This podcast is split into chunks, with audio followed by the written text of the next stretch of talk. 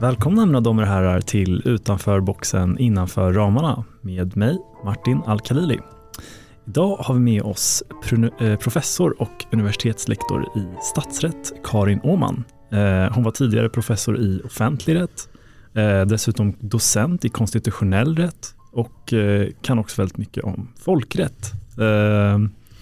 Och då tänker jag ställa mig den första frågan som jag tror många lyssnar på. Vad är konstitutionell rätt? Eh, ja, hej Martin och tack för inbjudan att komma hit och prata idag. Mm.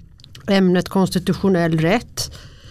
Eh, det är ganska omfattande eh, men typiskt sett om vi gör en ganska så snäv beskrivning av det så handlar det om våra grundlagar och vi har fyra grundlagar i Sverige. Vi har regeringsformen, vi har tryckfrihetsförordningen, vi har yttrandefrihetsgrundlagen och så har vi successionsordningen.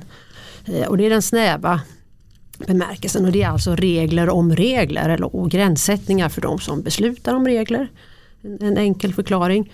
Eh, men sen kan man också göra ett, ett vidare eh, perspektiv på konstitutionell rätt eftersom vi ingår i ett europeiskt samarbete. Även inom EU så finns det regler om regler, det finns fördrag och det finns stadgor om mänskliga fri och rättigheter. Och eh, den sortens regler ingår ju också i ett konstitutionellt system. Men det är inte del av den svenska nationella konstitutionella rätten. Okay. Och eh, jag är ju professor i statsrätt. Och typiskt sett så tycker vi väl att det är eh, likhetstecken mellan konstitutionell rätt och statsrätt. Andra universitet pratar om konstitutionell rätt och vi gör det, pratar om statsrätt då, i Stockholms universitet. Ehm, jag tror den korrekta benämningen är egentligen konstitutionell rätt och att statsrätt kanske är lite annorlunda. Det är lite andra, andra regler man också läser förutom grundlagarna. Okej. Ja. Um, så, så du har forskat eh, om konstitutionell rätt och grundläggande rättigheter. Ja. Eh, vi pratade lite om utmaningarna. Vad anser du är de viktigaste utmaningarna för dessa områden i dagens samhälle? Det finns ju mängder av utmaningar eh, som man kan prata om när man pratar om grundlagen och vilka frågor som vi ska, som vi ska behandla. En fråga är ju yttrandefrihet och eh, skydd för privatliv och integritet. Vi har ett jättestarkt eh, skydd för, för medias yttrandefrihet genom TF och YGL. Och vi traditionsenligt har vi haft ett ganska eller ett svagare skydd för integritet och privatliv i svensk rätt. Så det är, en, det är en utmaning och det också har berott på att vi inte har varit del av det europeiska synsättet som vi också är del, som vi är del av idag. Och, så det, det är ju en utmaning då, yttrandefrihet och skydd för privatliv, integritet. Eh, sen finns det andra utmaningar som inte finns med i grundlagen eh, som jag brukar lyfta upp för studenterna. Eh, som man måste förhålla sig till som ändå har på något sätt konstitutionell ställning eller status fast de skyddas inte i grundlagen. Som är politiska utmaningar men som också jurister då förstås får hantera.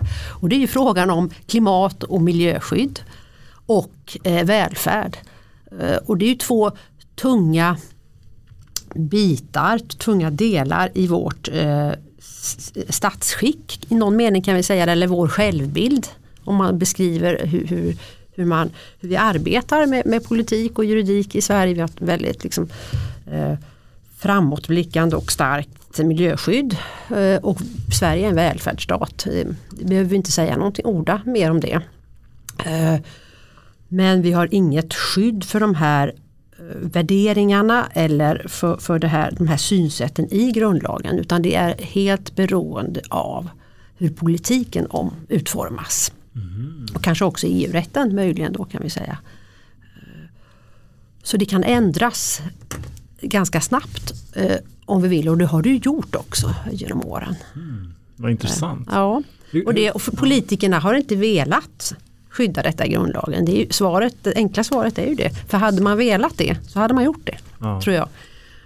Så du menar att om politiker hade velat hade de ändrat grundlagen till frågor om klimat exempelvis? Ja, vi, vi har ska vi säga harmlösa, om jag uttrycker mig så, skrivningar inledningsvis i grundlagen om den enskildes välfärd och också miljö för kommande generationer. Mm. Men som inte har någon juridisk innebörd jämfört med ganska skarpa skrivningar om fri och rättigheter Mm. för enskilda. Men kan jag då ändå påstå, de här frågorna kommer ju in utifrån i svensk rätt. Frågor om välfärd, hur man hanterar en allt rörligare befolkning. Alla, alla reser kors och tvärs utomlands och, och befinner sig kanske mer utomlands än hemma när de blir sjuka. Eh, Och miljöfrågorna är ju också inte bara nationella utan de är ju internationella. Så inflödet utav detta kommer ju utifrån och den vägen så blir det ju någon form av eh, konstitutionell status på hur man reglerar detta. Men vi har inte det i vår grundlag. Så det är också en utmaning eller en fråga man kanske ska ställa sig. Vill vi sätta upp minimiregler i vart fall för, för de här ämnesområdena? Vad tycker du? Tycker du att man borde göra det för vissa? Exempelvis klimatet. Ja, jag, jag kan säga så här, med tanke på hur politiken har sett ut utan att gå in i värdera frågan men med tanke på hur rättsutvecklingen har varit och hur miljöjuridiken har utvecklats och blivit större och större, tagit stort utrymme på utbildningen och tar stort utrymme ut i samhället. Alla som, som, som jobbar med någon slags fråga måste förhålla sig till miljöanpassningar. Så kan man ju tycka att det också borde finnas ett, en vägledande reglering någonstans vart vi är på väg och, eller vart vi inte ska vara på väg. Vad, vad sätter vi upp för, för ja, hur vill vi styra upp det här? Och är det så att det finns någon form av eh, rädsla i att man inte har infört liksom, i grundlagen, vad, vad är det som stoppar politiker? Liksom att, eh, Jag tror att det är en klassisk sak att man inte vill binda upp sig helt enkelt. Det, handlar, det är därför det här ämnet är så pass intressant. Tycker jag. Med konstitutionell rätt. Eh, Vi har massa saker som är reglerade men vi har en del saker som inte är reglerade och som sköts av det politiska livet då mer eller mindre. Och då kan det ju bli mindre långsiktigt. mm, Det som står i i grundlagen är ju tänkt att fungera på lång sikt. I bästa fall. Det är därför vi har grundlagarna. De ska vara, det ska vara grundläggande för allt annat. hur, hur ofta ändras grundlagarna? Ja, de, de svenska grundlagarna, eller se regeringsformen, ändras ju förhållandevis om vi jämför med andra länders grundlagar. Ofta. Jag, vet, jag läste något, någon siffra, jag kan inte återge den, men eh, de ändras ju rätt så ofta jämförelsevis med andra länder. För att det är enkelt att ändra grundlagen i Sverige, också jämförelsevis med andra länder. Eh, så, så den, det argumentet då att det ska vara någonting som är långsiktigt kanske inte riktigt håller men det är det som är tanken och, och läser du på jag tror det är riksdagens hemsida om våra grundlagar så, så skriver man det att de här lagarna är svårare att ändra än en vanlig lag. Och det stämmer ju i vart fall i relation till vanlig lag men sen så, så krävs det inte så mycket för att göra förändringar. Um, så hur kommer det sig att den eh, skillnaden finns? Att vi har liksom vanlig lag och grundlag. Varför har man skapat eh, en grundlag till att börja med? Vad, vad är intresset med det? Ja, Syftet med att ha grundlagar det är ju att man ska ha en man kan väl eh, bildligt sett tala om att det är en överenskommelse mellan folket och eh, politikerna eller de som vi har röstat fram. Ett slags avtal om vad vi vill att de ska göra och vad vi vill att de inte ska göra. Och jag brukar prata om när man pratar om fri, fri och rättigheter att man sätter grimma på makten. Vi överlåter makt till folkvalda genom valen. Vi har representativ demokrati. Men de får inte göra vad som helst. Och vi vill inte ha för stora skiftningar mellan valen.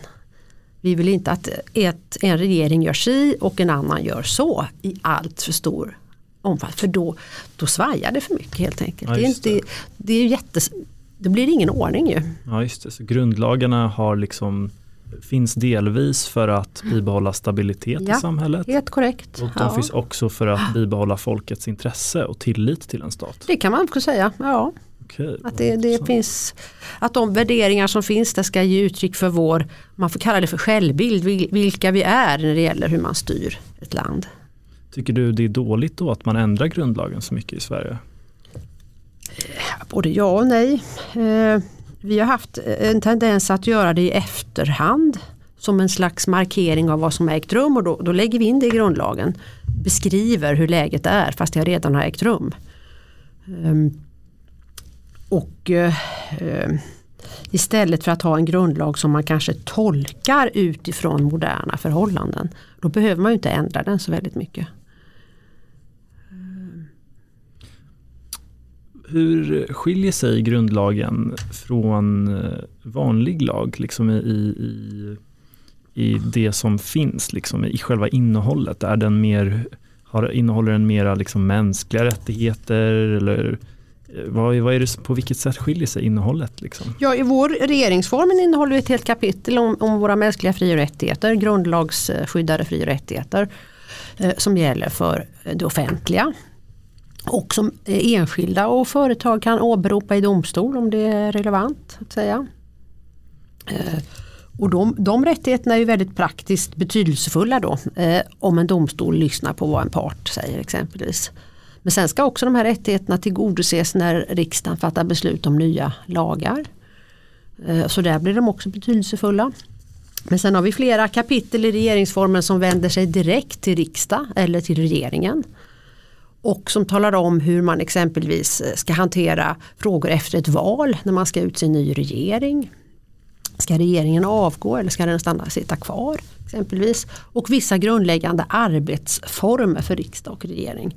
Och den typen av frågor kommer ju väldigt sällan eh, på bordet inför en domstol.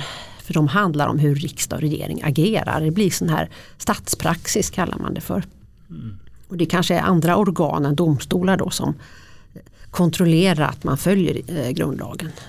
Men sen har vi ett kapitel om kommunernas rättsliga ställning i grundlagen som kom in 2010. Vi har ju kommunal självstyre i landet som inte är eh, obekant för någon tror jag. Men då handlar det om vad, vad är ramen för det kommunala självstyret. Eh, där finns det exempelvis en proportionalitetsprincip för hur riksdagen ska hantera kommunalrättsliga regleringar så att det inte påverkar självstyret i allt för hög grad. Eh, sen har vi normgivningsmakten. Eh, ett kapitel i grundlagen som handlar om vem som ska besluta vilka rättsregler. Om man lägger den typen av makt om vi uttrycker oss så. Riksdagen är ju lagstiftare säger vi men även regeringen kan vara lagstiftare i vissa hänseenden och myndigheterna kan vara lagstiftare om man har fått uppdrag från riksdagen eller regeringen att vara lagstiftare. Mm. Men då beslutar man om föreskrifter säger vi. Mm. Och, eh, Så mycket är tekniskt och ja. ganska abstrakt för de som inte är inne i de här frågorna. Så ibland i utbildningen när vi träffar nya studenter så är det svårt att fånga intresset för vissa ämnesområden. Fri och rättigheter tycker studenterna är jättespännande och det kan vi relatera till. Vi kan bara öppna en dagstidning eller titta på nätet så ser vi någonting som, som äger rum. Så kan vi prata om det och vi kan kanalisera frågorna utifrån juridiken. Då. Men vissa ämnesområden är otroligt abstrakta. Superintressant. Mm. Jag, jag tänker um det här med, jag tänker att vi går lite mer filosofiskt, så här, uh, zoomar ut lite ur detaljerna och uh, um, ser på helheten lite mer att så här, det är väldigt viktigt uh, med lagar i ett samhälle. Som du säger, majoriteten av de lagarna vi har är väldigt abstrakta. Um, om jag ställer, ställer en väldigt mm. basal fråga, varför är det viktigt med lagar? ja, ja. Nej, men det är väl inte så abstrakt. Då skulle jag svara för att citera Hobbes, tror jag det. Annars skulle det bli ett allas krig mot alla. Eh, för att hålla ihop en nation då, då, ut, eh, då, då, då, talar man om vilka rättsregler som gäller på det här området. Åker du till ett annat land så gäller andra rättsregler som du ska förhålla dig till. Eh, och det har ju en sammanhållande funktion helt enkelt, påstår jag. Mm. Och så frågan blir hur skulle ett samhälle se ut som inte hade lagar och förordningar att förhålla sig till? Om, om allting var, om man uttrycker sig fritt. Lite kaos kanske. Mm. Så du upplever att vi, vi måste ha lagar i samhället för att ha ordning, för att hålla, ja, hålla människan... förutsägbarhet. Ja, ungefär som avtal. Vi kan kalla det för ett slags avtal men det är ändå riksdagen som fattar besluten ensidigt då, åt oss. Mm. Men för mänsklig samlevnad ja, på off offentligt plan. Sen har man ju mänsklig samlevnad individer emellan. Då kommer man ju överens med varandra frivilligt. Mm. Men lagstiftning kan man ju inte komma överens om. Utan den gäller ju för att riksdagen har fattat beslut om den.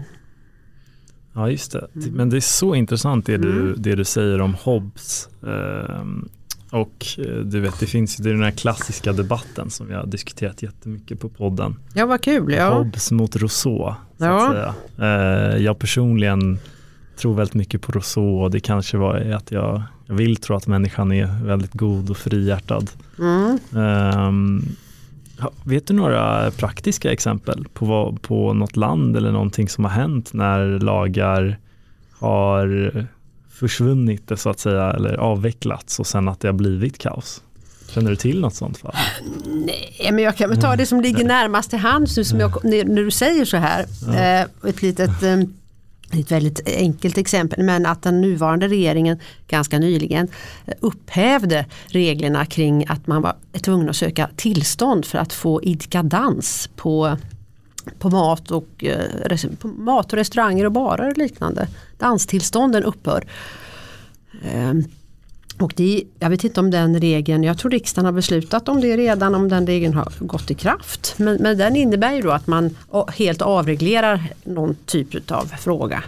För att man tycker att det är helt onödigt, man behöver inte ha tillstånd för det här. Det här liksom. Om spontandans uppstår så är det inga problem. Och, och Men det har ju funnits ja. ett ursprungligt syfte misstänker jag. Ja. För att det är inte bara dans som äger rum på, på, på, inrättningar där man dricker alkohol och äter god mat etc. Utan det är annat också. Så det, det innebär att, att man får en annan kontroll om man har danstillstånd. Men, men vad hände när man tog bort eh, danstillståndet? Blev det liksom att folk började dansa överallt? Ja, men det är så nytt, jag vet inte om det har trätt i kraft ännu. Okay. Men det, det, är ett sånt, det är ett exempel som kanske är lite banalt då. Ja. Eh, men, men sådana här frågor diskuteras inom ramen för narkotikapolitiken. Ja. Ska vi ha fri narkotikaanvändning ja. eller ska vi kriminalisera det? Prostitution är också en sån fråga. Om man är eh, väldigt liberal så tycker man att man ska eh, avreglera väldigt många företeelser eller avkriminalisera. Ja just det. Jag hade ju en eh, professor i sociologi här för ja. två veckor sedan och han är ju väldigt för att legalisera narkotika exempelvis. Ja. Men han hade, du får jättegärna säga vad du tycker faktiskt, för han tycker att snarare än att vi ska legalisera allt på en gång ja. så tycker han att vi ska ha en prövningsperiod okay. där vi legaliserar exempelvis cannabis under några, ett halvår och sen ja. så ska vi mäta om problematiskt användande har ökat eller minskat. Vad tycker du om ja, sådana nej, experiment? Nej, där agerar jag, eller reagerar jag kanske känslomässigt för jag, jag är otroligt eh, ska säga, mycket emot droger och den inverkan som det har eh, på samhällskroppen så att säga. Och vad det gör med människor både mentalt men också att man hamnar i kriminalitet och sånt där. Så jag tycker inte att man ska experimentera med det. Och ideologiskt så tycker jag nog att man ska ha man ska hela tiden arbeta mot eh, droganvändning och då kan man inte legalisera det. mm. eh, har nog ja, landat i det. Sen ser man ju de länderna där man är mer liberal i den här sortens sammanhang. Att det går ju inte så bra. Tycker jag i alla fall. Ja, vilka, vilka länder är det? Ja, det jag, har inga, jag har inte något, något exempel på det just nu. Men ja, jag, okay. ja, det, att det är um, men det, det, är ju det är intressant att diskutera sådana frågor för det, det, är, det handlar ju om förbudsivrare mot mera liberala eh, tankegångar hur man ska se på vissa företeelser. Om de ska vara reglerade, förbjudna eller inte. Just det. Och sen räcker det inte att ha, ha ett förbud mot någonting. Eh, för det måste ju också efterlevas och kontrolleras av statsmakterna. Mm. Jätteintressant. Mm. Jag, eh, jag hade med mig Stefan Einhorn igår här på podden. Jag vet inte om du känner till honom? Jo då, jag tror jag till och med har läst någonting av honom. Eh, han, och då pratade vi om att eh, vi tror båda två att majoriteten av mänskligheten är väldigt goda och, och snälla. Liksom. Mm. Eh, och, men att det finns en liten minoritet som eh, är lite mera åt Hobbes-hållet så att mm. säga. Mm. och att kanske det här med lagar mm. och att använda vad ska man säga, våld för att stoppa vissa mm. eh, är bara för en liten minoritet av befolkningen. Vad, skulle du, vad tycker ja. du om det? Det är väl ingen dum idé egentligen ja. att det är på det viset. För väldigt många skulle kanske klara sig utan eh, rättsregler i vardagen om vi säger så. Men eh, rättsregler har ju också en normerande inverkan. Det påverkar vår uppfattning om vad som är gott och ont. Genom att de bara finns där. Så många som kanske skulle bli, om vi kallar dem då för onda och begå brott avhåller sig för att det är eh, att, att, man, att man, blir, man, blir man upptäckt av polisen och hamnar i maskineriet, det rätts, rättsliga maskineriet så, så, är det väldigt så, så, problematiskt. Eh, och alla andra ser ner på en om man då beter sig på ett visst sätt. Mm. Så, så det innebär att fler tror jag avhåller sig från att göra saker som inte är, som inte är av värde för vårt samhälle, för vår sammanhållning. Så regler ska ju å ena sidan upp, de ska efterlevas och man ska kontrollera att de gör det genom polis, myndigheter och åklagare. Men de har också normerande effekt. Ah. De påverkar vårt sätt att se på vad som är gott och ont. Moraliskt hänseende. Och den verkan som rättsregler har ska man nog inte underskatta. Och det behöver inte vara att de är symboliska eller att det är symbolik i dem. Men de påverkar oss. Mm. Du får inte köra för fort. Nej, för du kan köra ihjäl någon om du kör för fort. Ja, du avhåller dig för det blir en, en allmän värdering då som kommer till uttryck i en sån regel. Men det blir väl ändå på något sätt symboliskt tänker man. Alltså så att om det har en normerande effekt. Så... Ja, fast det, med symbolik menar vi då att det inte spelar någon roll men jag tror att ja. det spelar roll för att vi anpassar oss till det och vi blir laglydiga. För det är ett ja. eftersträvansvärt eh, synsätt. Vi vill vara laglydiga, vi vill inte uppträda amoraliskt. Nej, just det. Det är i, de, I de allra flestas säga, syn på sig själva. Men sen tror jag detta med, om du säger vilka som är goda och onda, jag tror att alla människor har en, har en potential till att agera felaktigt under de rätta premisserna så att säga. Mm. Men att den spärren är lite, lite olika för oss beroende av olika anledningar. Just det. Vi är inte goda eller onda utan vi, är lite, vi har allt i oss. Ja, just det. det om jag har förstått forskningen också på det. Ja. Vi föds ju liksom inte till, till brottslingar. Nej. Utan det är förutsättningar som gör att vi blir brottslingar ja. i vissa sammanhang. Och en del har lägre spärr för det av olika skäl. Mm. Superintressant. Mm. Um, du, pratat, du har pratat om barnkonventionen. Ja. Vad är dina tankar om barnkonventionen och eh, dess införlivande i svensk rätt? Ja, Idag när jag åkte buss så skällde jag ut en grupp skolelever för de hoppade på bussen och de förde ett enormt oväsen. Oj. Så jag, blev helt, jag fick hjärtklapp för jag blev så rädd faktiskt. För de bara stormade in. Eh, så då kände jag att jag var inte så mycket för barn generellt sett. Jag tyckte de får faktiskt skärpa till sig när de åker buss. Det får lärarna säga till dem. Och de blev nog förskräckta när jag sa till också. Eh, men det är mer en, en iakttagelse från vardagen. Eh, men jag kom in på de här frågorna, barnkonventionen, av en händelse för många år sedan, ganska många år sedan, via var det Röda, Rädda Barnen tror jag det var. Som ville att jag skulle skriva en slags utredning om man, man kunde inkorporera barnkonventionen, det vill säga göra den till svensk lag. Eh, för många har drivits av den tanken ganska länge. Och då gjorde jag det, jag skrev en liten utredning och jag kom fram till på mer kan man säga juridiska premisser att det inte alls är en omöjlighet att göra det. Eh, och så gjorde jag jämförelse till att vi har gått med i EU och att domstolarna är vana att använda vaga rättsregler sedan tidigare. Eh, vi har andra länder som har inkorporerat barnkonventionen, exempelvis Norge. Och vi är ganska lika som land och rättsordning så att säga. Eh, så jag tog fram en del argument och landade i att det här det är ingen omöjlighet. Och många trodde kanske att jag var för inkorporering eller inte men, men om, man, om man är för eller emot det skulle jag snarare säga är en politisk frågeställning. Det vill säga hur vill vi jobba med barnkonventionen och vilken status vill vi ge den. Ehm, men nu valde man att från politiskt håll göra barnkonventionen till lag för att den skulle få mer genomslag i praktiken, att politikerna skulle använda den mer. Lagstiftning gäller även för riksdagen när de stiftar lagar. Eh, och för att den ska bli mer en realitet i, i myndigheternas vardag. För tidigare var det bara ett folkrättsdokument från FN. Mm. Och då spelade det inte lika stor roll med barnkonventionen i svensk rätt.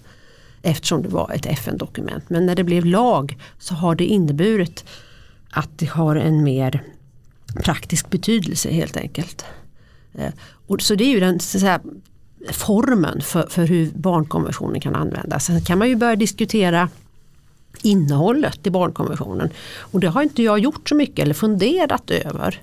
Ehm, och det finns ju artiklar i barnkonventionen som är motsägelsefulla som det gör i alla sådana här dokument. Föräldrarätten är stark samtidigt så hela barnkonventionen andas ju rättigheter för barn. Och då finns det, kan man tycka en konflikt med barnets rättigheter i förhållande till eh, föräldrarnas rättigheter. Föräldrarna vill, eh, vill, om vi kallar det för äga sina barn, de bestämmer över sina barn. Men barnen kanske har självständiga krav på att bestämma i vissa, vissa speciella eh, situationer. Och då, då är det en konflikt. Och vad man ska landa där, hur man ska reglera föräldrarnas ansvar och möjligheter att bestämma över sina barn gentemot barnens självständiga rätt till rättigheter innan de är 18. För Det är det det handlar om. Det är en jättesvår fråga. Men där tror jag att barnkonventionen är förändrar det svenska synsättet som finns faktiskt. Eftersom det går mer åt barnens rättigheter. Och att då föräldrarätten som vi talar om eh, eh, blir svagare. Och um, hur kommer det sig att vi, vi har den här värderingen om att barn ska ha liksom rättigheter och, så vidare? Vad, vad tror du att det kommer ifrån? Uh, ja, jag, jag kan inte exakt historien bakom ja. tillkomsten av barnkonventionen. Hur den kom till i FN. Ja. Men den ligger i linje med uh, FN-arbetet att ge särskilda grupper särskilda rättigheter kvinnors rättigheter exempelvis, ursprungsfolks rättigheter, barns rättigheter. Det har varit en, en slags trend eh, till skillnad från att prata om mänskliga rättigheter som gäller alla och en var oberoende av vilken grupp du tillhör. Eh, så det, det är två trender helt enkelt. Eh, och det, det, det, man kan tycka att det är av godo eller av ondo så att säga. Eh, men det har inneburit ett, ett förändrat synsätt tycker jag nu sedan konventionen blev lag i svensk rätt. Man pratar mer om ett barnrättsbaserat synsätt på myndigheter. Att man ska ha kunskap om hur barn tänker och fungerar när det kanske gäller vårdnadsmål etc. Och att man ger barns möjligheter att få säga vad de tycker i ett vårdnadsmål ökat utrymme och i lägre ålder. Jätteintressant. Ja. Jag tänker, du, du pratade om att det finns vissa lagar som, som strider varandra, mot varandra, till exempel föräldrar, eh, rättighet och barnens rättigheter och ja. så vidare. Eh, det känns som att det är någonting som ända sedan religionen har mm. varit eh, en väldigt central fråga, till exempel mm. när man hade Bibeln och bara, men hur vet vi vilken del av Bibeln som sätter sig över en annan. Mm. Eh, finns det någonting som är viktigare? Och det, mm. det är väl samma jag känner med lagar ibland. Mm. Så här, att vad är mm. det som, hur ska man sätta en lag eh, gentemot en annan när det finns så mycket ja, men motsägande argument? Liksom. Mm, ja, hela, hela systemet bygger på en värdering och det är att allt ska hänga ihop. Ja. Eh, när vi skapar det här då. och det är ju, rättsreglerna är ju ganska många och omfattande. Eh, så vi vill ju att det ska hänga ihop och inte finnas för många konflikter men dagligdags så löser ju jurister sådana här konflikter. Intressekonflikter och hanterar dem och balanserar dem för att de inte ska bli för stora och omfattande. Så man, man, man, väger så att säga. Eh, och det här är ju ett sådant exempel på hur man ska, så man löser det i lagstiftningen och man löser det också i rättstillämpningen. Eh, så syftet med rättsregler förutom det att de ska vara normerande som vi pratade om innan och att de ska styra människors värderingar i någon mening. Så i praktiken är det också att lösa konflikter som uppstår mellan personer och människor. Mellan enskilda och staten och att lösa de här intressemotsättningarna på ett sätt som är acceptabelt. Och när man gör det då så hindrar man då att folk löser det på bakgården och går ut och slåss eller krigar. Så du har ett, ett ska säga, fredsbefrämjande syfte eh, in, inom staten eller inom nationen. Vi löser konflikter eh, civiliserat. Och det är, kan ju vara sådana här motsättningar då mellan föräldrarnas rätt att, om vi kallar det för äga, återigen sina barn, för vi tror ju att vi gör det fast vi inte gör det. Men att bestämma över sina barn och hur länge får vi göra det? Eh, och i, i, vilka sammanhang finns det undantag för det? Och när det övergår successivt så säger barnen att bli egna kapabla individer och bestämmer själva. Men tendensen nu är ju att vi går ner i åldrarna för barnens bestämmande rätt i olika hänseenden. Jag vet inte när du själv fick ett bankkort exempelvis. Eh, när jag var liten så var det inte på tal om att man skulle kunna gå till en bankomat och plocka ut pengar själv när man gick i grundskolan. Men nu för tiden har ju var och varannat barn ett bankkort misstänker jag som är anpassat efter åldern förstås. Och en mobiltelefon.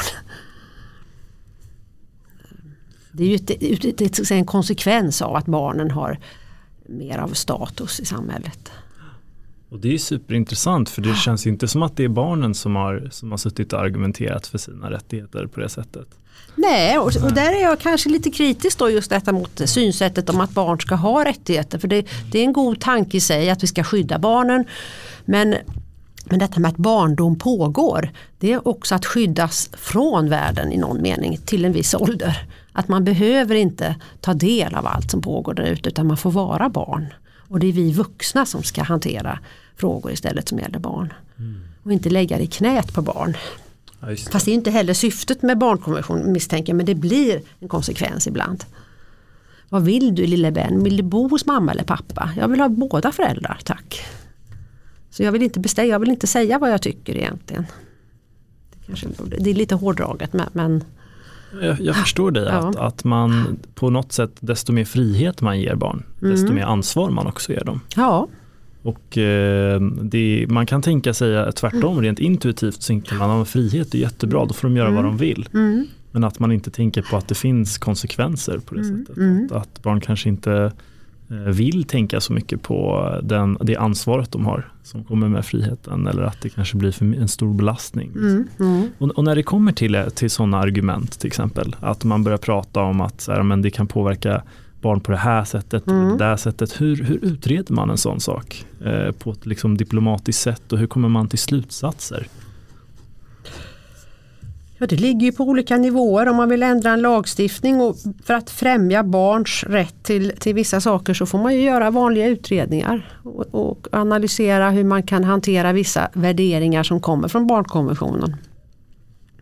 Eh, så, så tittar man ju på det. Så det är en politisk fråga hur mycket man vill göra och vad man har råd att göra. För det, många av de här frågorna som ligger i barnkonventionen är ju faktiskt eh, det kostar ju saker att genomföra. Exempelvis om vi pratar om en, att ha en schysst eh, skolgård. Det är väldigt få skolor som kanske upp, lever upp till vissa av de här kraven man kan ställa på en riktig skolgård. Hur, hur, hur, stor, eh, hur stor vikt har utredningar när det kommer till att bestämma liksom, Eh, alltså ta juridiska beslut. En utredning är ju en självständig myndighet men man får direktiv från regeringen om man är en statlig utredning. Och direktiven kan ju vara väldigt um, tydliga och leda i en viss riktning. Eller så kan de vara ganska allmänt hållna. Eh, och är de allmänt hållna så har man ju mer makt att lägga fram variationer på förslag än om det är väldigt, liksom, pekar åt ett visst håll. Eh, men sen så har man gjort en utredning och kommit fram till vissa saker i enlighet med direktiven så har man ju gjort sitt jobb och lämnar ifrån sig den. Sen får ju remissinstanserna säga vad de tycker och sen tar regeringen, departementet tillsammans med, med övriga kollegor eh, på departementet hand om de här frågorna för att driva dem vidare och se vad de landar efter att remissinstanserna säger någonting. Och sen lägger man lagförslag. Så visst kan en utredning ha en jättestor innebörd men den kan också ändras ganska så radikalt efter att man har lagt de här förslagen. Beroende på vad, vad folk ute i samhället säger och tycker eller vad regeringen själv tycker. Intressant, så, så mm. själva utredningen i mm. sig kan ändras också eh, efter att man har utfört den? Ja, den utredningen ligger ju, den är publicerad men sen kan ju när det kommer hem och så kanske man får massiv kritik som det står ibland från remissinstanserna. Ja då får, har ju regeringen kanske lämnat direktiv som inte har stöd ute i samhället. Då får man backa på det och så kanske man lägger fram ett förslag som är mer anpassat till, eh, till vad remissinstanserna säger. Och remissinstanserna, är de, är de en del av riksdagen eller är de separerade? Nej, remissinstanserna är ju inte en del av riksdagen utan Nej. det är ju eh, privata samfund kan vi kalla det för civilsamhället, organisationer. Det är domstolar, det är myndigheter, universitet, högskolor. Eh, och vissa utav de här, vi kallar det för aktörerna, är skyldiga att lämna svar på remiss om de blir anmodade att göra det. Och vissa som inte blir tillfrågade och inte behöver göra det, de kan få lämna svar i alla fall på en utredning. För att delta i det här demokratiska eh, projekt eh, som en utredning ändå innebär. Vad intressant. Hur, Ja. hur, eh, hur, hur kommer det sig att de har ett så stort inflytande, de här remissinstanserna? Om, om, om För att de kan, de, de kan det de skriver om. De är sakkunniga typiskt sett och Mm. har väldigt lång erfarenhet av de här frågorna. Experter och specialister. Och som inte har suttit med i utredningen då. Eh, Så de har väldigt ofta intressanta perspektiv på en viss fråga. Så då lyssnar man ju på dem. Experterna är ju betydelsefulla. Eh, Alltid. Har du varit med och gjort en sån här eh, Ja, jag satt med i barnkonventionsutredningen Ja. som expert och nu sitter jag med i två utredningar Ja, som är ganska artskilda men väldigt intressanta. coolt. Ja. Och det är ju ett sätt att fånga folk från olika delar av samhällslivet för att landa i någonting som regeringen då har sagt att man ska titta och se över och fundera på och lägga förslag om man ska göra. Tycker du att den svenska regeringen är duktig på att ta emot feedback från de här experterna då liksom? Eller känner du att... Ja, det varierar helt och hållet beroende Ja. på vad det är för fråga. Ja, Eh, Den, den sista expertinstansen som man kanske helst bör lyssna på det är ju lagrådet eh, när man väl lägger fram ett lagförslag. Och är lagrådet kritiskt inställt till ett lagförslag eh, och beroende på vad lagrådet säger förstås också hur, den, hur rådet argumenterar så bör ju regeringen hantera ett sånt, en sån invändning som kan komma från lagrådet. För annars kan det bli problem längre fram där en lag går i kraft etc. och ska tillämpas på domstolar och liknande. så det finns flera variabler, det är jättemånga faktorer som Ja varandra. absolut men det finns väldigt många sätt att hantera de här remissinstanserna också på, beroende på vad det är för fråga. Hur mycket man vill den här saken och hur mycket man ser sig tvingad att genomföra förändringar av vissa skäl. Och det beror inte på vilket, eh, vilket lag det handlar om, det blåa eller röda utan där finns det ska säga, variationer på båda sidorna hur man hanterar eh, lagrådets inställning till en viss fråga som man vill gå, i, gå fram med. Men, men säg att, säg att eh, remissinstanserna kommer fram till någon ganska så här uh, vetenskaplig, så här objektiv sanning. Mm, mm. Eh, säg, prata, säg klimatet som vi pratade om tidigare. Ja, ja. Och att de kommer fram till att här, men, eh, vi ser att exempelvis eh, vad, ska, vad ska jag hitta på för någonting? Ja, men, eh, användandet av eh, pesticider förstör eh, Mm. naturen. Liksom. Mm, Och att eh, riksdagen i så fall väljer att bortse från det. mm. Eh, vad kan man på något sätt, liksom, hur gör man då? Eh, när man ser att så här, gud, de faktiskt bortser från en vetenskaplig sanning. Eh, Mm. För att det finns andra intressen bakom som, som spelar emot det. Som påverkar på ett annat sätt. Jo, men det, Ja, det är ju en ständigt återkommande fråga. Eh, Ja. Som jag sa, experters inblandning och betydelse, vetenskap, na- naturvetenskap, det finns ju andra vetenskaper som påverkar. Eh, och vem som ska samla ihop alla de här uppgifterna, den här faktan som finns. I slutändan blir det ju politikerna som ska lyssna på vetenskapen. Eh, men de har ju ingen digital skillnad att, eller digital eh, förpliktelse att göra det i någon mening. Utan det är ju faktiskt beroende på vem det är som styr och ställer. Men vetenskapen är ju, är ju A och O i någon mening. Men just den frågan du tar upp med klimat och miljö den diskuteras ju hela tiden och, och jag såg senast har jag för mig häromdagen någon insändardebatt där man just ifrågasatte varför inte politikerna lyssnar mer på, på klimatforskarna eh, än vad de gör. Samma sak upp, eh, uppkom ju i samband med, med, eh, med pandemin. Och där kanske man lyssnade för mycket på, på vetenskapen, på, på medicinska vetenskaper och hur, hur, hur man skulle hantera det. Tyckte många istället för att göra en egen bedömning. Man hänvisade hela tiden till Folkhälsomyndigheten. Om man hade utrymme att göra mer politiskt tyckte en del. Så det där är- det är inte svartvitt om jag uttrycker mig så. Det, det kan vara på båda, båda sidor. Intressant. Mm. Och är det de politiker som vi väljer då som faktiskt är de som, som väljer, ja. eh, som bestämmer? Förlåt. I någon mening är det mycket, mycket så. Eh, ja. Och ibland när jag funderar på de här frågorna så, så, så kokar det ner till hela det här systemet som ska vara vattentätt och reglerat och det ska befrämja väldigt många goda värden. Så i slutändan så är det bara avhängigt vilka personer som hamnar på vilka poster och om de personerna fattar de korrekta inom citattecken besluten. Och om de har de goda, det goda omdömet att göra på ett visst sätt och om de gör på ett visst sätt eller inte gör på ett visst sätt. Superintressant. Så att, är, att systemet är bräckligare än vad vi tror. För det, och det uppkommer ofta när vi ser när det händer grejer som är, som är små, saker som vi inte har räknat med. Och då står alla villrådiga. Fast det handlar om att det är personer som gör det här. Det kanske inte är att systemet inte fungerar. Och, men, men ehm, jag kan tänka mig att det är både och personer och systemet. Jag menar, det handlar ju också mycket om hur vi organiserar system. Eh, jag ja. vet att i Amerika så, så har man ju också eh, vissa liksom organisationer som har väldigt mycket bestämmande makt som är väldigt separata från den centrala regeringen eller riksdagen eller vad man ska kalla det för. Liksom. Mm, mm. Vad, vad, tycker du om sådana? Jag tycker att man borde ha sånt, ett sådant system mer i Sverige till exempel. Där man, där man tillåter liksom enskilda som till exempel Riksbanken fast för eh, mm. juridiska beslut som är mycket mer självständiga från politiker. Eh, för att bibehålla mer stabilitet. Vad tycker du om en sån idé? Det, det är makt, säger man ju korrumperar ju, så ju mer man sprider makten desto ja. bättre kan det ju faktiskt vara för ett samhälle. Mm. Att smeta ut makten så att den inte hamnar på en och samma ställe. Mm. Och, och felas, ett, felas ett ställe så kan något annat i någon mening bevaka eller komplettera de brister som uppstår där. Mm. Eh, exempelvis som, som, idag när finansutskottet då, som är ett utskott i riksdagen eh, kallar riksbanksledningen eh, för utfrågning. Det är ju två olika maktcentra i någon mening även om riksbanken eh, lyder under riksdagen.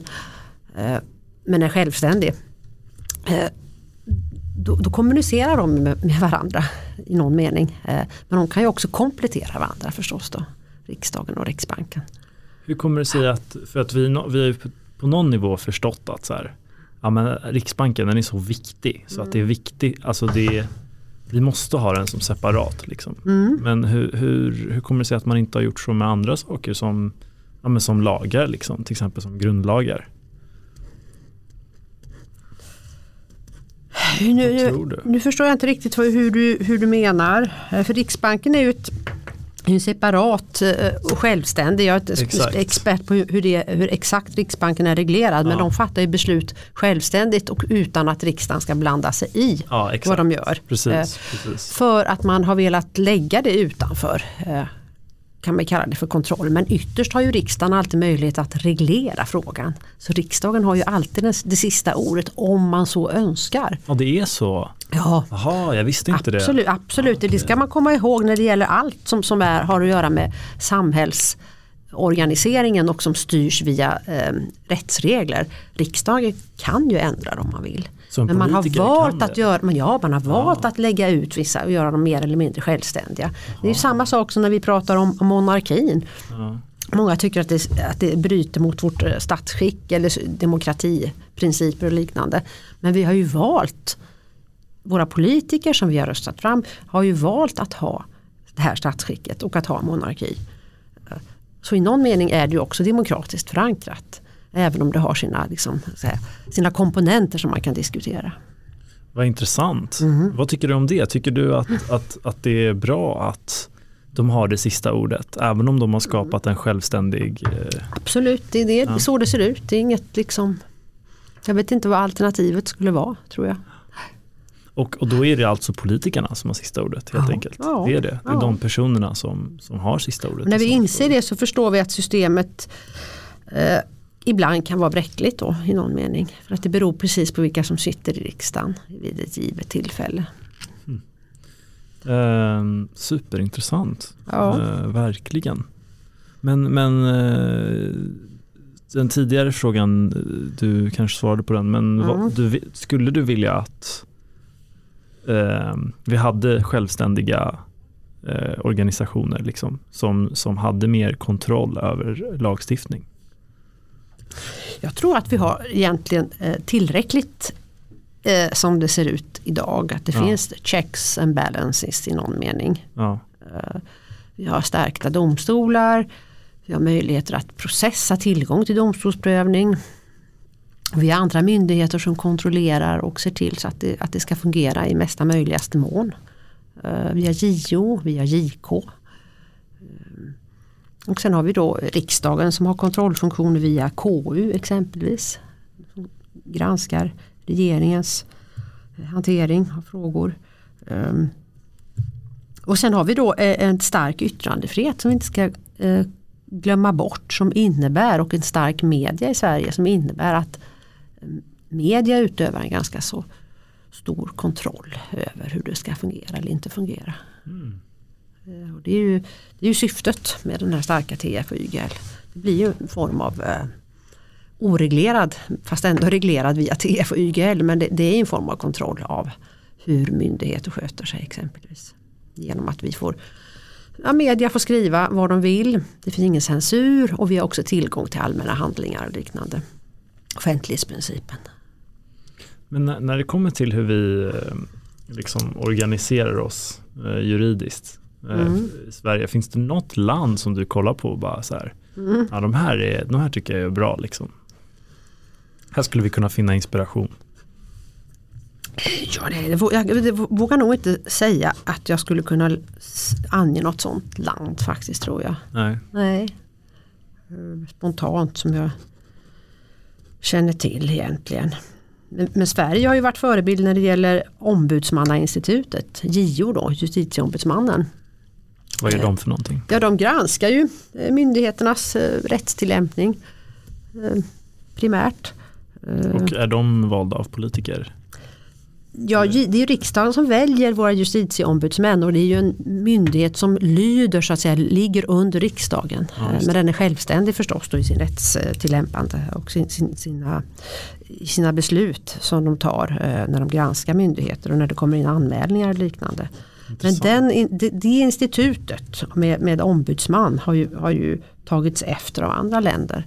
Exempelvis finns det ju en europeisk ombudsman vet jag, jag vet inte så mycket mer om den. Men det, och andra länder har också fört in och då har det här begreppet ombudsman som är ändå svenskt begrepp tagits med. Som, som de flesta, många vet vad det, vad det handlar om. Intressant och det, mm. det måste ju grunda sig jättemycket på, på tillit. Eh, jag kan ju intuitivt ana att det finns många liksom intressen av att ha kontroll över ja. de här som, som granskar. Liksom. Ja. Eh, superintressant. Mm. Men det är det som gör att systemet förhoppningsvis är välfungerande för att det finns de här olika små öarna som håller koll på varandra på något sätt. Uh, och sen får det inte vara så då att de här öarna uh, kommunicerar allt för tätt med varandra eller att uh, personerna som, som är möjliga att anställa på de här olika ställena vandrar runt. Mm. För då, då, då, då, blir det ju inte heller den funktionen som kanske är tänkt. Men Sverige är ett litet land med, med få jurister jämförelsevis då kanske. Eh, och det är få personer som kan vara anställ, anställningsbara på olika kontrollinstanser. Och om de går runt i systemet, om det blir rundgång så kommer ju inte de här kontrollfunktionerna kanske att fungera lika väl som det var tänkt. Skulle man kunna invända. Har, har det skett? Har det blivit eh, Nej, det, någon gång? Den, den frågan som jag lyfter nu där, och ja. den stenen som vi tittar så att säga under då, det handlar ju om detta med att, eh, att man kanske exempelvis som, som eh, domare under domarutbildningen så jobbar man på domstol, så jobbar man på departement, så jobbar man på en myndighet som JO eller JK så jobbar man på ett utskott som föredragande och så går man runt i systemet och de här öarna då är ju tänkt att på något sätt komplettera varandra och utgöra någon slags motvikt. Vi pratar om maktfördelning och sånt där. Ja. Men om den då befolkas av personer som går runt och som, som kan vara överallt. Vilket fungerar i Sverige ändå och det gör det för att vi har, väldigt, vi har skickliga jurister tycker jag och vi är välutbildade domare etc. Eh, men det kan skapa problem också. Det är inte, det är inte givet så att säga. Samtidigt så är vi måna om att ha flexibilitet i systemet. Eh, om inte annat för att det, är, att det är bra att man lär sig att jobba på olika ställen. Man har, man har en förståelse för hur det fungerar på vissa myndigheter. Och så kommer man tillbaka till en domstol och arbetar där. och sådär. Mm. Eh, men det är inte givet. Man kan diskutera de här eh, sådana situationer. Superintressant. Mm. Eh, det, det, verkar också som att intressen eh, har en väldigt stor plats i det här. I vem som får sin vilja igenom i allmänhet i juridiken. Mm. hur, hur stor roll spelar resurser i det? Det här resursfrågan, ja, ja. du tänkte när man stiftar lagar och sånt där. Ja. Eller ska få, till och med få lag igenom. Liksom. Ja, exakt. Det är klart att de, det spelar jättestor roll. Ja. Eh, ekonomin eh, så att säga. Man, man, kan inte göra så mycket om man inte har pengar för det. Så är det ju. Och ytterst är det ju riksdagen då som håller i finans eh, eller i plånboken. Så för de lagförslag och de, de, justeringar och reformer man vill göra måste riksdagen säga okej okay och tummen upp. Att det finns en budget för det. Mm. Sen ska den sippra ner då i maskineriet då och landa på myndigheter exempelvis. Eller om man startar en ny myndighet och liknande. Mm. Så pengafrågan är ju central. Eh, men den frågan ska ju först hamna på politikernas bord. Mm. När man förhandlar budget, när man kommer fram till vad man vill ge för pengar så kan man också möjligen då också eh, ställa sig frågan ska vi, hur ska vi justera regelverket efter det här då för vi vill göra satsningar hit och, hit och dit. Men ibland gör man ju förstärkningar ekonomiskt. Då behöver man kanske inte ändra några rättsregler överhuvudtaget. För man tillskjuter mer medel till domstolarna exempelvis. För att eh, komma undan med, med, med balanser som man säger med mål som ligger och väntar för länge. Men ibland så krävs det regl, eller eh, resurser och ekonomi för att skapa nya rättsregler. Det Finns det något praktiskt exempel när, när det har behövts? Liksom? Ja, det är svårt att tänka sig sådär bara spontant. Men nya regler som kommer till. Jo men det, den utredningen jag sitter med i nu exempelvis, det är alla utredningar måste ju tänka ekonomiskt. Vad innebär det här för kostnader? Och en av utredningarna jag sitter med i handlar om så kallade preventiva tvångsåtgärder. Det vill säga att man ska ge ökade möjligheter att enligt direktiven eh, att använda sig av tvångsåtgärder innan det finns en specifik misstanke om brott. Som typiskt sett man kan göra i en förundersökning. Utan man vill tidigare lägga det skedet lite grann i syfte att förhindra brottslighet. När det har en förundersökning så har man misstanke om ett precis brott som har begåtts redan men här är det lite vagare konturer. Och då innebär det ju en sån, ett sånt förslag ehm, ett ökat arbete eller ökade insatser för vissa särskilda brottsbekämpande myndigheter som exempelvis polis och tull. För de får, om det här går igenom, om de här förslagen går igenom så måste de måste man ändra sina arbetsuppgifter och då måste man också tillskjuta medel till de myndigheterna så att de kan eh, låta de här rättsreglerna gå i kraft och användas på ett korrekt sätt. Mm. Så det, det, är ett konkret exempel och all, de flesta utredningar som äger rum har ju kostnadsanalyser med i bilden. Mm. Så är det ju. Om inte annat att man måste tillskjuta kostnader för att utbilda de som ska tillämpa rättsreglerna. Just det. Mm. Ja. Uh,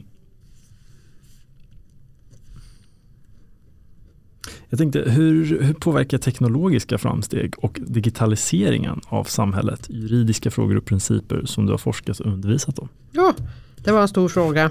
Mm. jag är nästan på att säga att jag vill passa men mm. det är en mm. jätteviktig fråga förstås, teknik och digitalisering och sånt där. Ja. Eh, en, ett perspektiv eh, på de här frågorna är ju hur man har anpassat TF och YGL till modern teknik. YGL, yttrandefrihetsgrundlagen, var ju Eh, är ju en eh, konsekvens utav digitaliseringen bland annat att vi kan ha flera medier för att använda yttrandefriheten på. Och då frågan hur mycket tekniken eller hur mycket rättsreglerna ska anpassa sig till ny teknik som ändras dagligdags. Så det är, det är en fråga förstås. Eh, digitaliseringen påverkar ju väldigt mycket i juristers vardag. Oerhört mycket även på utbildningen förstås. Vi pratar mycket om AI nu och de här nya möjligheterna att skriva eh, juristuppsatser utifrån med hjälp av datorerna i princip, med hjälp av internet. Och det är ett jätteproblem för oss. Men som man kanske måste göra till en möjlighet då. Men det innebär ju att det blir svårt att utbilda i hantverket juridik. Nämligen när man skriver för hand och man använder hjärnan. Men, men börjar det bli mer och mer vanligt med, med, med att man tar in AI så att man inte gör någonting själv, då lär man sig inte hantverket. På samma sätt som att man inte lär sig att baka bröd eller slå i en spik. Vad det nu är för någonting man ska lära sig, man måste göra det. Eh, så där kan det vara ett problem, digitaliseringen, tycker jag. Hur, hur tycker du man, hur man bör hantera det i så fall? Eh, jag förväntar mig inte att du har något så här eh, konkret svar. Men... Nej, jag tycker det är jätte, jättesvårt. Ja. Och, och, vi då lärare med några år på nacken, vi, vi det, det är ju ingen som lyssnar så på oss. Mm. Utan, och digitaliseringen är ju ett faktum ute på, på universiteten också. Med, med att man har digitala tentor och till och med inspelade föreläsningar. Och sånt som jag tror inte är av godo i förlängningen. Eh, för juridik är någonting annat. Det är ett hantverk och när man träffar människor man ska prata. Och då, då man lär sig och förstår eh, hur det fungerar. Och att skriva för hand har vi gått ifrån helt och hållet. Genom att vi har digitala tentor. Och det är visserligen enklare att bedöma en sån text. Man ser vad det står. Och man slipper lägga några på hög som man får ta mot slutet för att man tycker att det är så jobbigt att läsa texten. Men samtidigt är det ju så när vi skriver så tänker vi ju bättre med pennan i hand. Aha, okay. um, ehm, det säger jag till studenterna också när man har storföreläsning, vilket var ett tag sedan jag hade nu. Eh, och när man ser alla de här studenterna, 200 stycken som sitter framför sig så sätter de sig och så slår de upp sina datorer och ska sätta sig och skriva ner allt jag säger. Fast det kommer finnas powerpoint på, på hemsidan efter föreläsningen. Sätt er ner och lyssna. Eller sätt er ner och skriv för hand. Så får ni in mycket mer av kunskap. Ni lär er mycket mer och ni har med er med här, härifrån. Men det är ju ingen som lyssnar på det. De, det känns som en, det är en trygghet man har i detta att skriva ner på, på dator. Eh, under föreläsningar exempelvis, även på, på undervisningstillfällen. Mm. Och falsk trygghet tror jag. Mm. Har du personligen sett eh, att det har skett en, en eh, att har, elevernas betyg har blivit sämre på grund av digitalisering? Tycker du det? Eller känner liksom jämfört med hur det ja, var det förut? blir, På något sätt så det blir, man förenklar tycker jag. Och jag inbillar mig ibland när jag rättar tentor att, att det inte är lika eh, väl formulerat. Men det har jag inget stöd för egentligen. Mm. Men jag tror inte man, jag vet ju inte, jag kan inte liksom, jag vet ju inte hur studenterna går tillväga när de sitter och skriver sina svar på, på, på dator också. Hur, hur de tänker, hur det fungerar. Mm. Så, alltså det är en jättesvår fråga. Jag, mm. jag, hade ju med en, en person som är jätteinsatt i, i artificiell intelligens och machine ja. learning. Ja. Vi pratade om, om ChatGPT liksom, eh, exempelvis som är den nya AI-genererade Mm. Den, som, den kan ju skapa hur bra information som helst. Eh, och den blir bara bättre. Mm. Eh, exempelvis man, man, kan ju ställa den en fråga om eh, ja, men filosofi och, och den, den, ger otroligt bra svar. Mm. Eh, den kan mm. skriva hela uppsatser. Liksom. Eh, mm. och vi, vi pratade med varandra och jag sa till honom, vad tycker du utbildningen ska göra? Och han mm. bara, nej men de borde anpassa sig liksom. För att eh, vad ska man göra när, eh, när de här eh, liksom, programmen mm. kommer in i, Nej, på det, Word? De är ju liksom? redan inne. Det är redan, ja. De är ju redan inne så det, det enkla svaret är att man måste anpassa sig. Ja. Uh, och teknikutvecklingen den äger ju rum parallellt med ja. allt annat. Den har ju egna premisser så att säga för att nå framsteg. Så det är ingen som styr den. Det är, det är en slags fri forskning. Eh, så sen landar den i samhällskroppen och måste hanteras på något sätt och så påverkar den exempelvis utbildningen. Ja, just det. Eh, och man, jag är jätteskeptisk för jag tror det här med, med, med utbildning på universitetet och samtal och att man liksom kommunicerar med varandra. Eh, ja, helt avgörande mm. för att man ska utbilda människor. inte bara vräka ner kunskap utan man ska bilda utbilda, man ska prata med varandra också. Utbyta synpunkter och väga och värdera. Och... Ja men absolut, det, det finns, jag har själv läst på mm. forskning som visar att eh, som visar att samtal, mm. speciellt om mm. abstrakta saker, ja, ja. Eh, gör att det blir mycket mer begripligt. Ja. Um, så jag håller ju med dig, men tror du att framtiden, att, tror du att liksom digitaliseringen kommer skapa bättre jurister? Eh, och att de kommer vara mera kompetenta eller tror du att de kommer vara mera förvirrade än någonsin? Och... Jag, tror, jag tror tvärtom. Jag tror ja. att man, det här med övning och förståelse, det som är det mänskliga, för juridik är ju en mänsklig aktivitet. Hur man, hur man lär sig att skriva, hur man lär sig hantera språket, argumentera retoriskt, vilka rättskällor man använder sig av i praktiken. Och det är ingen naturvetenskap. Utan det är ju mänsklig aktivitet. Mm. Jag tror vi får sämre jurister, helt, helt uppenbart. Mm. tror jag det. Och, man, och vi får en annan kanske sorts eh, juridik i någon mening. Mm. Och vi tror att vi kan lämna, lägga in massa information i datorn så får vi svaret och så kan vi skriva under så har vi gjort. Så har datorn gjort jobbet åt oss. Ja i kanske en viss eh, situation och i vissa situationer fungerar det men i många situationer så är det ju mer komplext än så.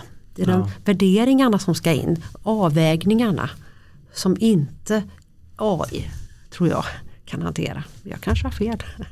Ja. Jag, tror, jag tror det, men den mänskliga eh, aktiviteten går ju förlorad. Jag, jag fattar absolut mm. vad du menar. Att, mm. att i vissa, vissa frågor det är så många variabler. Ja. Eh, det finns så många humana aspekter ja. att ta i åtanke. Att det, det skulle vara väldigt svårt att tänka sig uh, en AI att ta beslut. Liksom. Jag, jag förstår absolut vad du mm. menar. Eh, det ska bli jätteintressant att se vad det går. Men kan du tänka dig exempelvis inom affärsjuridiken? Det känns inte lika dynamisk exempelvis. Tror du att det, det är där eller vad kan du tänka dig att AI först och främst börjar ta över? Ja, du, jag vågar inte svara riktigt på det. Jag tror jag läst någon artikel, någon, någon kvinnlig delägare på någon byrå som hade gav sig in i den diskussionen. Men det jag tror hon slut, hennes resonemang var att det, det hjälper inte oss så mycket som vi kanske tror och förväntar oss eh, i realiteten. Men, um, men vi måste ju förstås anpassa oss och plocka godbitarna ur det här om det går att göra det. Mm. Att man digitaliserar. Men, men jag, jag ser många faror med det. Jag är väl lite kanske konservativ i den bemärkelsen då. Utan att känna mig teknikfientlig, för det är jag inte. Mm. Eh, schysst teknik som fungerar, det är ju, jätte, det är ju underbart. Men, men godbitarna, mm. vilka, vilka godbitar tror du att det kan finnas? Liksom, ja, typiskt sett väldigt abstrakt uttryckt om en, att man gör, kan förenkla tillvaron på myndigheter, att man förenklar beslutsfattandet. Vissa beslut som är väldigt grundläggande elementära med viss fakta, då kan man få kan man göra det med hjälp av standardiserade beteenden. Mm. Vad kan det vara för beslut? Så jag ska jättegärna i praktiken, typ. vad finns det? Jag kan tänka mig om det finns på hela, ja, hela försäkringskasseområdet som styrs av um, socialförsäkringsbalken. Där tror jag det finns utrymme för det. Möjligen. Men sen ska man då också ha i åtanke att man måste kunna kontrollera vissa uppgifter. Man måste stävja fusk när det gäller vissa typer av rättsområden. Eh, och det vet jag inte om AI kan göra. Jag kan för lite om den sortens så säga, frågor. Mm. Okidoki. Ja. Um. Men sammantaget lite småskeptisk är jag väl ändå men inte teknikfientlig för det, det, det, det kan man ju inte vara. Det funkar inte. Mm. Okej, jag tänker vi pratar om normprövning. Du har skrivit mm. en bok som heter Normprövning, mm. eller hur? Yeah. Yeah. Du diskuterar rättsväsendet, eh, hur det kan säkerställa att lagar är förenliga med grundläggande rättigheter. Mm. Eh, vilka steg kan tas för att upprätthålla normprövningsprincipen i praktiken? Och, just det, först av allt vill jag jättegärna att du definierar normprövningsprincipen också. Så att man förstår vad det är. Ja, normprövning eller mm. kanske lagprövning som det står i grundlagen. Och det handlar om domstolarnas skyldighet Eh, att hantera att systemet håller ihop, att grundlagens värderingar exempelvis också kommer till uttryck i föreskrifter i vanliga lagar. Eh, och då ska man i första hand tolka vanliga rättsregler så att de stämmer överens med grundlagen om det behövs. Man ska vara liksom, säga, vänligt sinnad gentemot fri och rättigheter så man ska tolka reglerna om det går då i den riktningen så att de befrämjar rättigheterna i andra kapitlet. Men går inte det att göra så här, om man inte kan tolka rättsreglerna på, på det sättet så står det då i grundlagen 11.14 som handlar om domstolarnas eh, lagprövningsskyldighet. Då kan man vägra att tillämpa en viss föreskrift om den är i konflikt med grundlagen exempelvis. Eller om den inte har kommit till på ett korrekt sätt. Då du, kan säger, man också, du säger kan? Ja, vägra. det är ju en, det är ju en eh, det är ett utrymme man har. Det står inte att, du, att om, du, om, om du inte gör det här så, så straffas du eller någonting. Det, det är ingen sån regel utan men, men då, det står ju att man ska göra det. Men, men det är en värdering man gör. Man värderar ju det som domare om det finns en konflikt. Eh, och man kan komma fram till olika slutsatser beroende på hur, hur man hanterar eh, en sån här konflikt. Men då ska man inte tillämpa de reglerna som ligger underst i syfte att grundlagens värderingar ska komma till uttryck på domstolarna. Jätteintressant. Mm. Ehm, Och som vi inledde med så har detta, den här normprövningen då, eller lagprövningen ökat genom att domstolarna fått stärkt mandat i EU-rättsligt perspektiv. Domstolarna ska genomföra EU-rätten och de ska genomföra Europakonventionen. Och sen så har också den svenska grundlagstiftaren 2009 slash 10 i en proposition att rättighetsskyddet i praktiken ska få fullt ut genomslag. Det vill säga go for it lite grann till domstolarna. Ni ska ta hand om rättighetsskyddet i praktiken. Och efter den här skrivningen i propositionen att eh, rättigheterna ska få fullt ut genomslag i praktiken så har vi också sett mer utav rättigheter på våra domstolar. Domstolarna är mer benägna att plocka in det i sina resonemang. För att tillgodose det eh, andra kapitlet om rättigheterna. Nu får du dig en riktig lektion här i, Ja, men, men det är det som i är, statsrätt eller konstitutionell rätt, vad vi nu Exakt. väljer att kalla det för. Ja. men det är det som är poängen. Mm, mm. Men finns det, finns det några fler steg som kan tas för att upprätthålla normprövningsprincipen i praktiken? Nej, det, mycket ligger på domstolarna men myndigheterna har ju samma skyldighet i enlighet med grundlagen. Men de använder inte den här skyldigheten på samma sätt som domstolarna gör. Eh, det finns färre fall där man på myndighetsnivå när man fattar beslut som rör enskilda börjar att- titta och tänka på grundlagen. Utan det är mer någonting som domstolarna ägnar sig åt i praktiken. Vi pratar ju nu lite om eh, EU. Eh, vad tror du är de största utmaningarna för rättsstaten i Sverige och Europa idag? Och hur bör dessa utmaningar hanteras? Det är en stor fråga. i Yes. Sverige och EU. Ja. Första frågan är vad menar vi med rättsstat? Mm. Det är fråga A. Ja, och det, det är ju rättsstaten eh, regleras ju, vi kan börja där då i grundlagen i första kapitlet, första paragrafen, tredje meningen. Där står det Mm. att all makt ska utövas under lagarna. Ungefär sådär. Jag tror inte jag citerade helt korrekt. Men, men där, den skrivningen handlar om att Sverige är en rättsstat. Och att vi lyder under rättsregler. All makt utövas med hjälp av rättsregler. Man kan inte hitta på arbetsuppgifter på en myndighets eh, bord eller på en domstol utan det, det ska vara reglerat i lagstiftning. Eh, och den regeln har funnits med i grundlagen sedan 74. Liksom hela vår eh, regeringsforms levnad. Eh, och genom EU-samarbetet, detta med legalitet, har det, det, kommit att få en större betydelse än tidigare. För EU-domstolen eh, testar också om allting som genomförs har lagstöd, har stöd i fördragen. Det vill säga att man utövar sina befogenheter i, en, i enlighet med fördraget. För man, man får inte tillskanska sig makt som man inte har fått. Det är det som EU-domstolen kontrollerar, lagligheten. Så att man inte heller på den nivån eh, gör saker som man inte får göra när man använder makt. Och genom EU-samarbetet så har ju frågan om legalitet och rättsstat kommit i lite ny dager. å ena sidan detta med att kontrollera lagligheten av saker och ting. Det har ju blivit mer intressant även i svenska, i svensk rättspraxis. Att man ser att domstolarna eller att myndigheterna framförallt har lagstöd för det de eh, beslutar om. Eh, men sen har också frågan om rättsstat på ett mer politiskt plan blivit mer eh, diskuterat inom EU och kanske också i Sverige då förstås som en följd av det. Ehm, och i EU gäller ju den diskussionen att man, man tycker att vissa medlemsstater går i fel riktning för att de fattar beslut politiskt, de har röstat fram någon, någon regering. De fattar beslut som man inte tycker stämmer överens med grunderna för vad som är en god rättsstat. Att man ändrar i konstitutionen kanske lite för eh, generöst. Man inskränker domstolarnas eh, makt lite godtyckligt. Och man försöker att säkerställa att eh, Eh, det politiska parti då som har makten, att det, dess värderingar kommer in i grundlagen. Och så är grundlagen svår att ändra i de här länderna då, typiskt sett. Mm.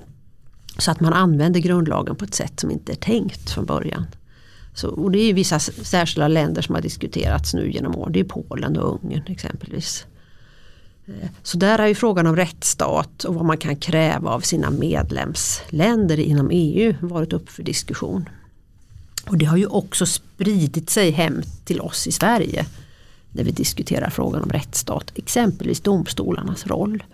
Eh, och att man ska se till att de verkligen får, får arbeta självständigt och att de inte ska utsättas för påverkan från politiker eller, hellre, eh, eller påverkan från annat håll eh, heller för den delen.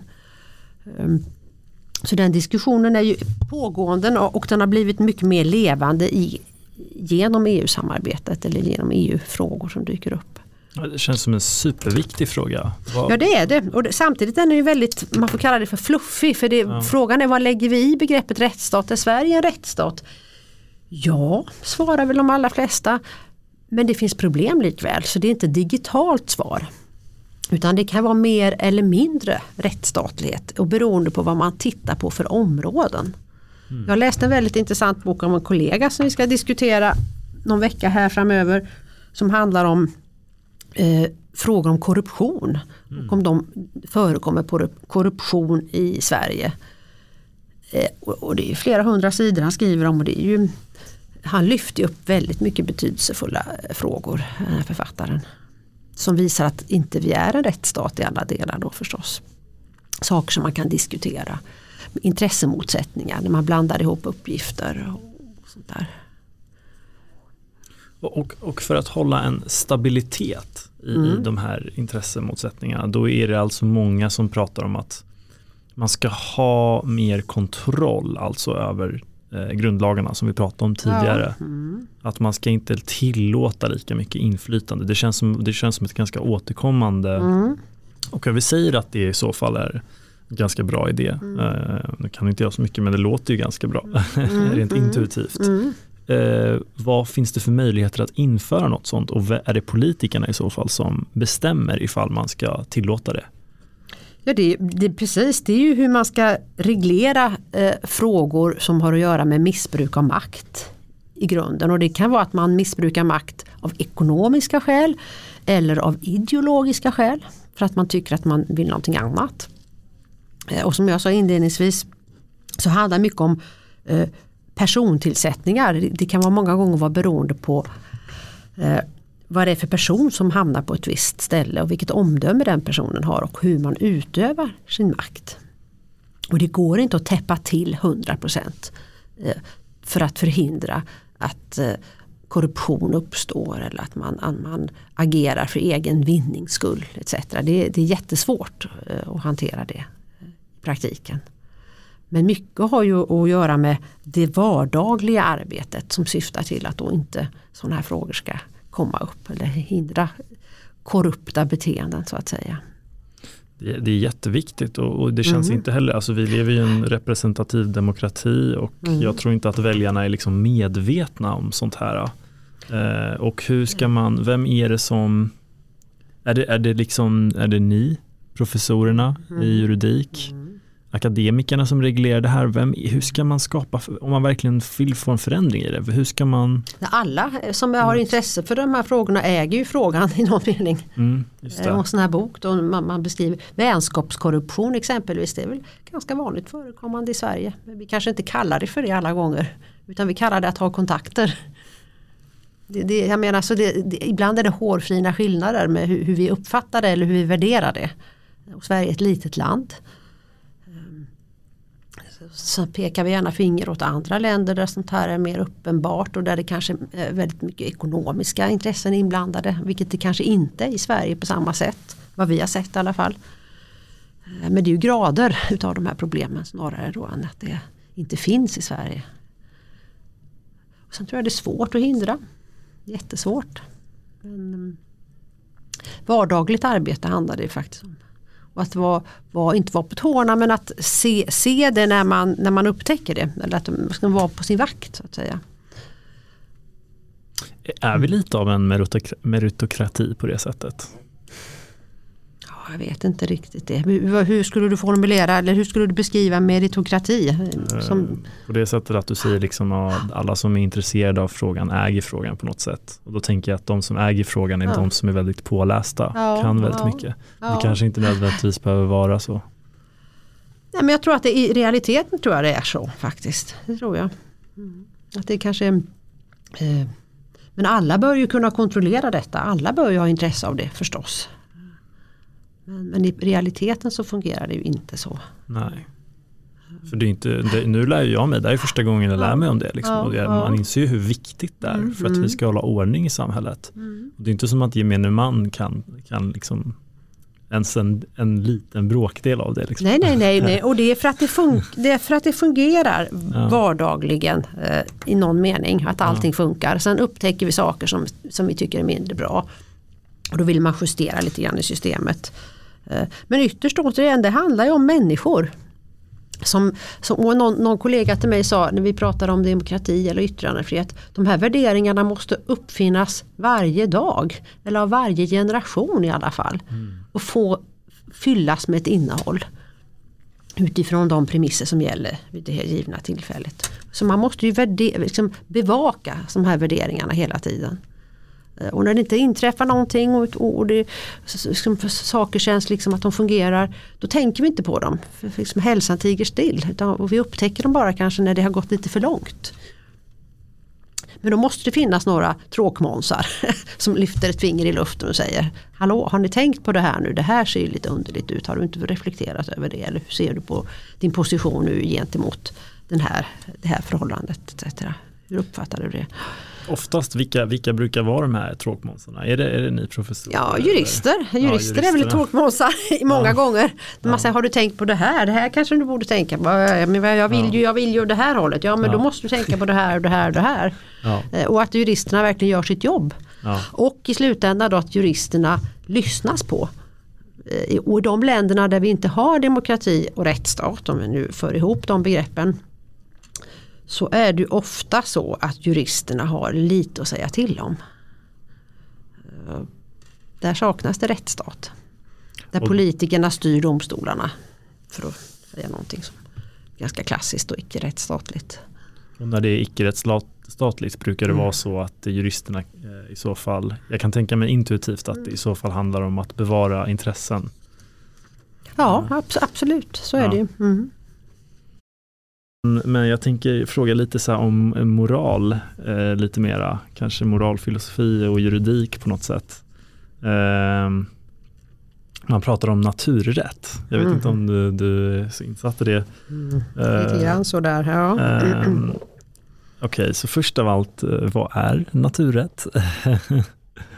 Ja, naturen eller Gud kommer eh, juridiken från eller rättigheterna ifrån. Det är väl naturrätt. Att man tror att de här värderingarna som juridiken ger uttryck för eh, kommer från en annan ordning än den nästan mänskligt skapade ordningen. Då. Gud har ju sitt system genom de heliga skrifterna. Eller naturen, hur man nu hittar dem. Men, men det som är naturligt då, eh, det är ju liksom därifrån det kommer. Um, och motsatsen till naturrätt det är ju rättspositivism. som, vi, som är det moderna synsättet på juridiken. Nämligen att makt är rätt. Det vill säga juridiken skapas eh, inom ramen för ett system där man röstar fram sina företrädare och sen så, så skriver de reglerna åt oss i riksdagen. Då. Och de rättsreglerna som finns från riksdagen som emanerar därifrån som man säger de, de är gällande rätt. Sen, oberoende av vad som står i, eller vad som härleds ur heliga skrifter eller ur något naturen givet system utan det är värderingar som politikerna strävar efter att genomföra. Och i, i, i Sverige, vad, till exempel våra grundlagar, mm. eh, hur mycket rättspositivism är det i dem och hur mycket naturrätt är det i dem exempelvis? Ja, det är väl mest rättspositivism eh, i någon mening. Sen kan man ju alltid diskutera om rättigheterna som vi nu har slagit fast och som har fått större betydelse. Om de är naturrättsligt präglade för att de kommer från något hö några högre värden som gäller oavsett eh, vad, vad, politiker tycker och tänker. Eh, men i grunden så har man ju slagit fast dem eh, positivt också i vanlig lagstiftning. Eh, så därför gäller de ju.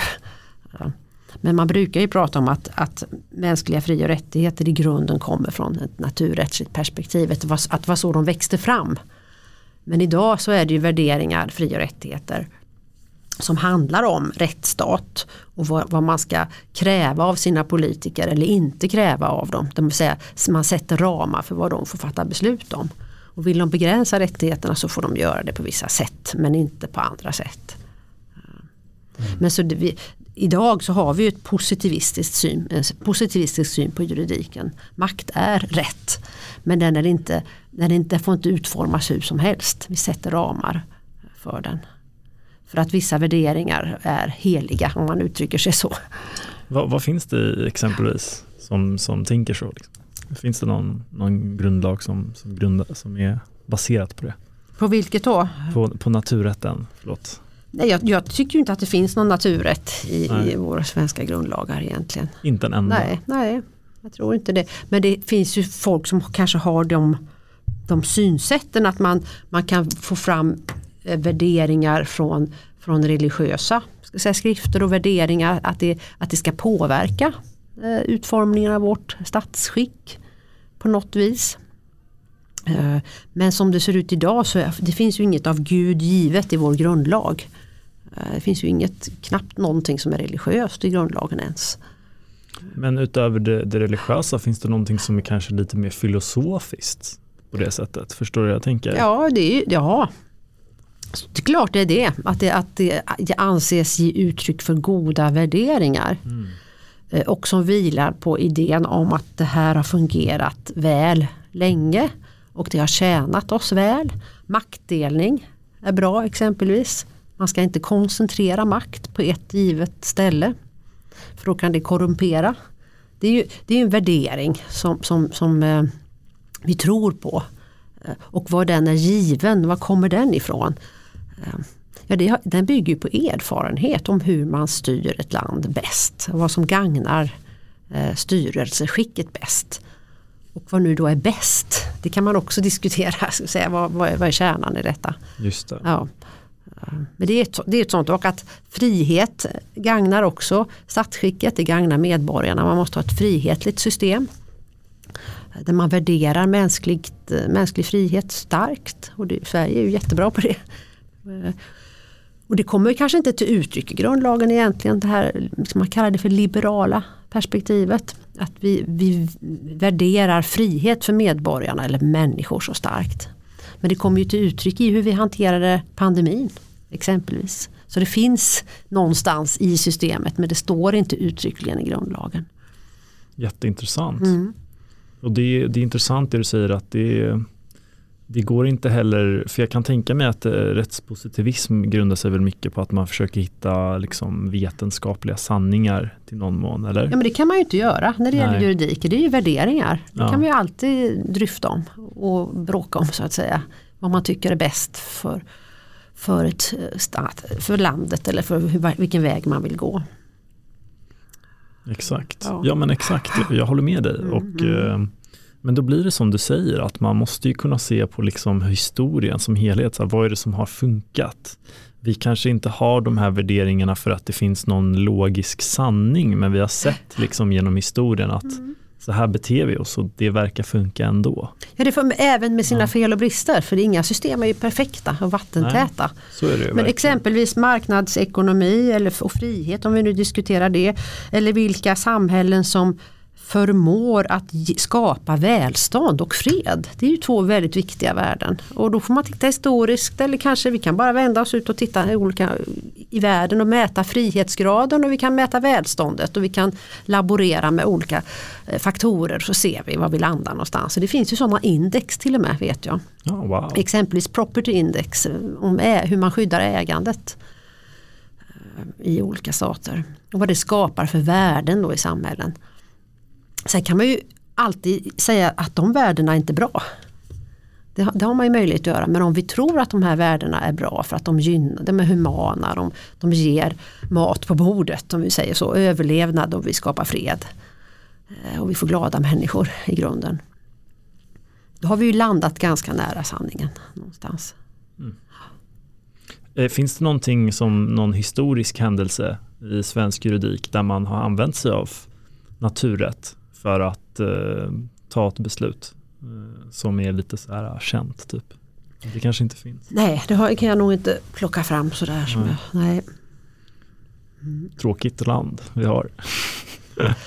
ja. Um, Okej, okay. jag tänkte att vi avrundar men innan jag gör det mm.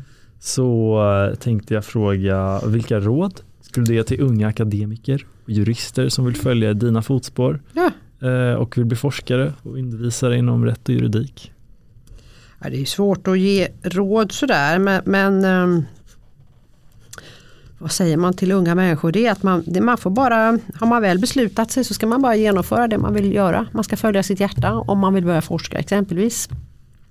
Det finns väldigt många fördelar med det men det finns också väldigt många nackdelar. För det är en, det är en, liksom, det är en snäv liten korridor som man, man får gå. Det är få som antas som doktorander jämfört med många som blir jurister. Och sen är möjligheten att få forska vidare eh, inte så särskilt stora alla gånger för det handlar om att man får utrymme ekonomiskt som, som man ska, måste ha för att eh, inte hamna i det administrativa eller i undervisnings, eh, för mycket undervisning. Eh, men man måste ju vara driven och man måste vara vetgirig och man måste se bortom allt, allt det här som liksom stör det som man tycker är trevligt. Man måste också vara lite av en juristnörd. Tycker de här frågorna är otroligt viktiga och intressanta. Och stänga av väldigt mycket av det här bruset som man har runt omkring sig dagligdags. Jag vet inte om det var några råd. Absolut, men vad, du menar bruset, alltså ja. vad skulle det exempelvis kunna vara, det här bruset? Det är det som stör allting ja. Eh, i vardagen. Att du måste göra det här, du har de här uppgifterna, nu måste du sitta med i den här styrelsen, du måste organisera det så här, du måste hjälpa till om man nu är på, på universitetet. För det är väldigt mycket kringuppgifter som finns på universiteten idag. Det är väldigt svårt att, att, att nörda ner sig. Eh, det, det ges inte utrymme för det tyvärr. Mm. Vilket jag ibland tycker är synd. Okej, mm. vad intressant, mm. verkligen. Mm. Kanske digitaliseringen kan lösa. Ja, möjligen. ja, det är, inte, det är precis. Det är inte, Då har vi en till godbit. Ja, det har vi en till godbit. Men vill man forska så ska man göra det. Man ska alltid följa sina instinkter. Det är min och sitt känslomässiga ska säga. Det man, det man liksom känner för. Och inte lyssna för mycket på andra. Perfekt. Så lyssna inte på mig. ja, verkligen. En timme och 40 minuter. Tack ja. så mycket mm. Karin Åman. Eh, det har varit väldigt intressant. Eh, ja, det är mycket som jag inte kunde så jag behövde ställa ganska enkla frågor för att förstå. Men så är det väl när man är nybörjare. Det var väldigt lärorikt eh, och värdefullt också. Tack. Mm, tack själv.